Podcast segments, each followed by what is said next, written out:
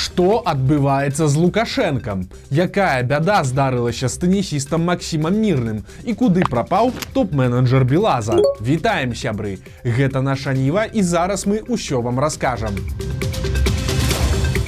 Нядаўна Лукашенко заўважна хрыпеў, а цяпер увогуле ледзь размаўляе. Сёння ён сабраў вялікую нараду па цэнах, але ж галоўнай адметнасцю на ёй стаў голас Лукашэнкі, якога проста няма. Праблемы настолькі відавочныя, што ён і сам іх прызнае.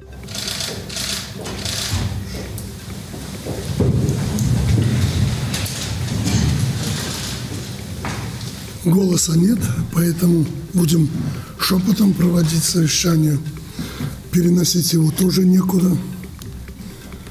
Новый год, да мы обещали вернуться к вопросу ценообразования. Наўрад ці, канешне, гэта нешта сур'ёзнае. Хутчэй за ўсё гэта звычайная прастуда ці нейкі ларынгіт. Але ж гэта ўжо другі такі выпадак за гэты год, што ў чарговы раз даказвае. Узрост не шкадуе нікога і час грае зусім не на карысць лукашэнкі. Адметна, што Лукашенко зрабіў высновы з аналагічнай сітуацыі, калі хварэў у маі. І цяпер ён не стаў хавацца і пладзіць чуткі, а і паказаўся і сам прызнаў, што не вельмі ў парадку. Праўда, паглядзім цяпер, што будзе далей, калі лукашенко зноў знікне на некалькі дзён. Як гэта было падчас яго хваробы ў маі значыць накрыла яго сур'ёзна. Што да сутнасці гэтай хваравітай планёркі то лукашенко заявіў рэгуляванне цэнаў працягнецца бо гэта для яго пытання маральнасці і справядлівасці. Але пра поўную замарозку цэнаў гаворка не ідзе бо тут нават сам лукашенко прызнаў што эканоміку не падманіш. Таму ён патрабуе каб чыноўнікі выбудоўвалі чоткую і зразумелую схему такога рэгулявання. Таксама лукашенко захваляваўся пра цэны на імпартныя лекі і садавіну. Як паведаміў віцэ-прэм'ер снапкоў, гэтыя тавары падаражэлі аж на 12 процентаў.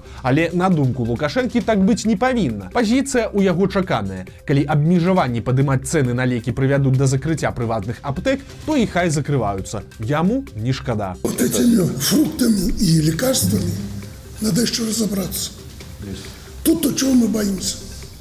Какой-то частник с аптеки уйдет, пусть уходит лекарствами можно. У нас достаточно государственных аптек, которые будут заниматься. Ну і як звычайна у нейкія моманты Лукашенко зноў пачынаў абурацца. Прасіпеў ён і пра праблемы з агуркамі. Па дарозе ўжо традыцыйна упікнуўшы прэм'ера галоўчанку. Мы подсветим, ну так светите. По итогам года огурцы будут дешевле. В декабре, в конце декабря Люди огурцы хотят. будут дешевле, чем в прошлом дек- декабре. Люди хотят Головченко и Снабков, и их родственники, и дети, и в Новый год, чтобы они были дешевле. А ты межсезонка. Ну, произведите в этих огурцов в достаточном количестве. В этом году мы закроем потребность республики Да полностью. не в этом, огурцах. еще декабрь месяц. Потом январь будет. И декабрь, январь, февраль, март мы закроем своими огурцами. Своими.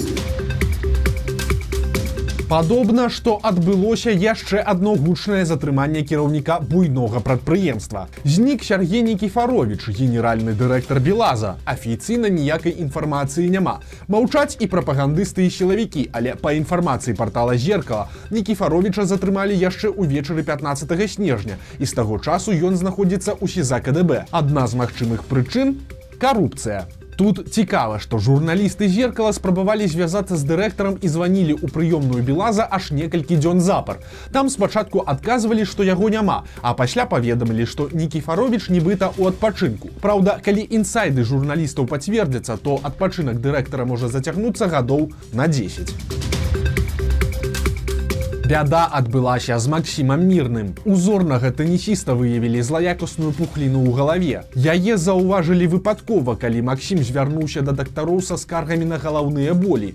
Яму зрабілі МРТ і яна пацвердзіла несуцяшальны дыягназ. Цяпер мірнаму зрабілі складаную аперацыю. Прычым апошнія гады Максім сям'ёй жыве ў ЗША, але лячыцца вырашыў у Беларусі. У адной з мінскіх бальніц тэнісісту правялі трэпанацыю чэрапа і выдалілі пухліну. Аперацыя доўжылася 8 гадзін і прайшла вельмі паспяхова. Максім перанёс яе добра. Каб яго падтрымаць, у Беларусь прыехалі жонка мірнага і чацвёра ягоных дзяцей. А дзяж сакратар рады бяспекі? Вальфович палохае ці то расіян ці то беларусаў ці то сам сябе. Ён даў вялікае інтэрв'ю расійскаму выданню нацыянальная абарона дзе расказаў што суседнія краіны амаль штодня ладзяць правакацыі супраць беларусі. Тут як вы разумееце маюцца на ўвазе украіна і краіны еўросаюза таксама за слоў вальфовича амерыканскія самалёты адпрацоўваюць удары па ядзерных аб'ектах беларусі і рассіі карацей асабліва нічога новага. Паўсюль ворагі адна Росія брат саюзнік і сябр. Таксама вальфович заявіў што на мяжы беларусі і краін еўропы загінула ўжо 40 бежанцаў. Само сабою віны беларускіх уладаў у гэтым вайсковы кіраўнік не ўбачыў ці то карма ці то выпадковасць можа вы памятаеце вось такі зетмабіль які вясною катаўся по беларусі. Машина належыць актывісту фрыкруху нот прыхільнікі якога вераць у злобную змову захаду. А кіраўнік расказвае што песні цою пісалі у цру днямі гэты зетмабіль трапіў у сур'ёзную аварыю ў рассіі у яго уляцела іншае аўто. Як патлумачыў вінаваты кіроўца у яго машыне просто падчас руху без дай прычыны ўзарвалася падушка бяспекі. Праз гэта мужчына страціў кіраванне і уляцеў у той той самы Z-мабіль. У аварыі ніхто не пацярпеў, але ж Z-машына пераўтварылася ў груду металу і рамонту не падлягае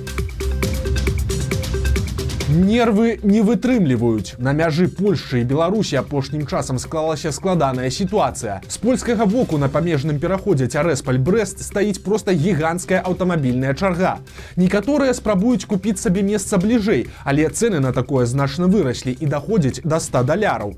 Некаторыя не вытрымліваюць і робяць спробу уклініцца ў чаргу што часам становіцца прычынай канфліктаў. Таких вялікіх чэргаў не было даўно цяпер каб перайсці мяжу з польшчы ў Беларусь трэба чакаць у сярэднім больш за 7 гадзін. Прычым з беларускага боку такога ажыятажу няма пагром адбыўся ў смаргонскім касцёле. Уначы мясцовы жыхар пабіў машыны святароў і вокны ў касцёле пасля чаго залез у храм і пачаў разбіваць там скульптуры. Дэбош суправаджаўся нецэнзурнай лаянкай і праклёнамі ў адрас каталіцкіх святароў. Мужчына разбіў фігуру маці Божай безаганнага зачацця а таксама вырваў металічны крыж з рук михаила архангела новай скульптуры якую некалькі месяцаў таму набылі за ахвяраванні прыхаджан мужчына пастаянна паўтараў што каталіцкая царква павінна адсюль прыбрацца і што ёй тут не месца ад яго крыкаў прачнуўся ксёнц які і выклікаў міліцыю. Цяпер дэбашыр затрыманы а прычыны пагрому высвятляюць сілавікі. у Тым часам у светлагорску падобна прачыталі інтэрв'ю вальфовіча і рыхтуюцца да горшага. Мясцовы цэлюлозны камбінат размясціў цікавы тендер. Завод хоча купіць сістэму абароны ад дронаў і заплаціць гатовыя 700 тысяч рублёў. У гэтую суму ўваходзіць пакупка абсталявання і трэнінг персанала. Чаму на камбінаце раптам захваляваліся цяпер пасля двух гадоў вайны не вельмі зразумела.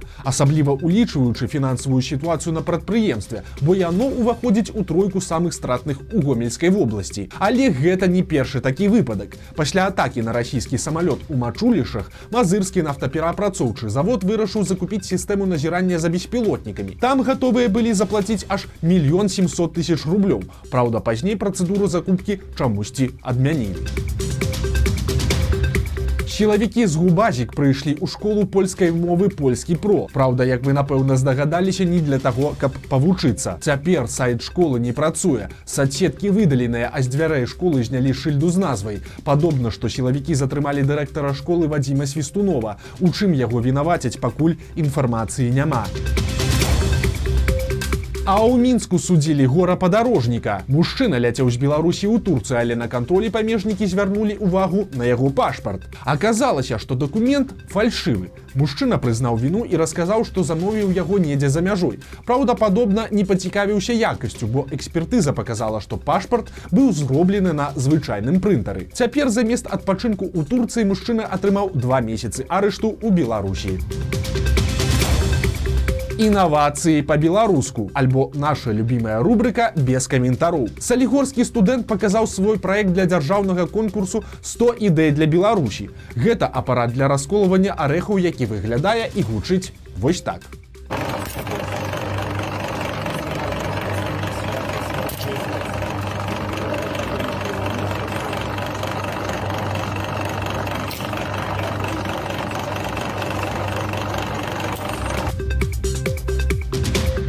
і на развітанне прыпавесць ад легендарнага маляваныча пра беларусаў і брусалі усё будзе добра сябры Ці заўважалі вы, што беларусы вельмі часта пра сябе, пра сваё кажуць як бы ад трэцяй асобы. Э, Беларуская мова, беларуская гісторыя, беларускія людзі. У той час, як, напрыклад, тыя ж самыя расіяне нават падкрэсліваюць наше кіно, наша вялікая культура, нашы людзі. Напэўна, у гэтым рознасць нашай ментальнасці, нашай свядомасці стагоддзямі нас прывучалі не называць сваё сваім. Дык давайте нешта мяняць. Давайте казаць часцей наша Беларусь, наша мова, нашы людзі, давайте мяняць свядомасць. Аднойчы Бруслі сказаў: паражэнне не бывае паражэннем, пакуль вы не прызналі яго такім у сваёй свядомасці. І памятайма, усё толькі пачынаецца. Вось такія навіны чацвярга. Подписывайтеся на канал, ставьте лайки альбо дызлайки і выказвайце свае заўвагі ў каментарах. І канешне, чытайце нашу ніву, глядзіце нашу ніву і любіце Беларусь. Да сустрэчы заўтра.